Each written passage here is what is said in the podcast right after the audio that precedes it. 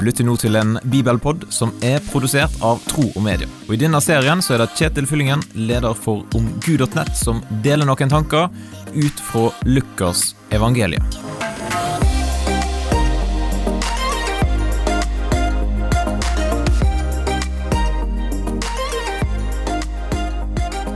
Har du gjort et eh, forsøk på noe? Eller har du tenkt at eh, du kanskje skulle gjort et forsøk?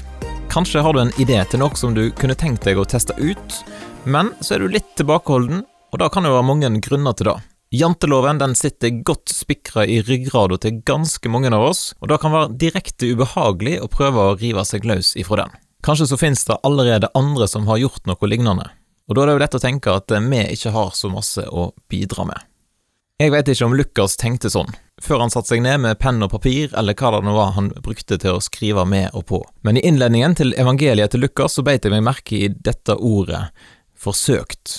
I kapittel 1 og vers 1-4 så står det Mange har forsøkt å gi en fremstilling av det som er blitt oppfylt blant oss, slik vi har fått det overlevert av dem som helt fra først av var øyenvitner og tjenere for ordet.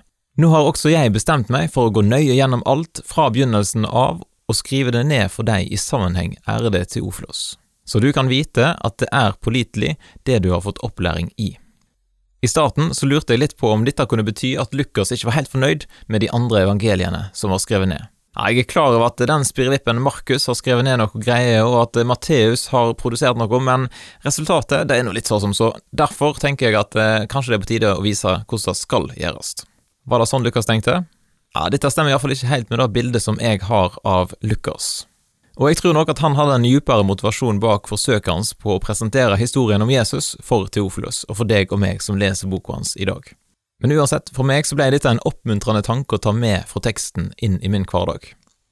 Lukas er klar over at det finnes lignende produkt, men han er likevel frimodig på at han har noe å bidra med. Han kan utfylle bildet, han kan bruke sine egenskaper til å gå nøye gjennom det som har skjedd, og til å skrive det ned i sammenheng. Og jeg mener at vi kan være veldig glad for at han gjorde nettopp det, og lot seg bruke av Gud på denne måten. Hva tenker du om teksten her i Lukas kapittel 1? Hvis du vil, så kan du dele dine tanker med meg via e-posten kjetil.tromedia.no, eller via Facebook og andre sosiale kanaler. Du finner meg der.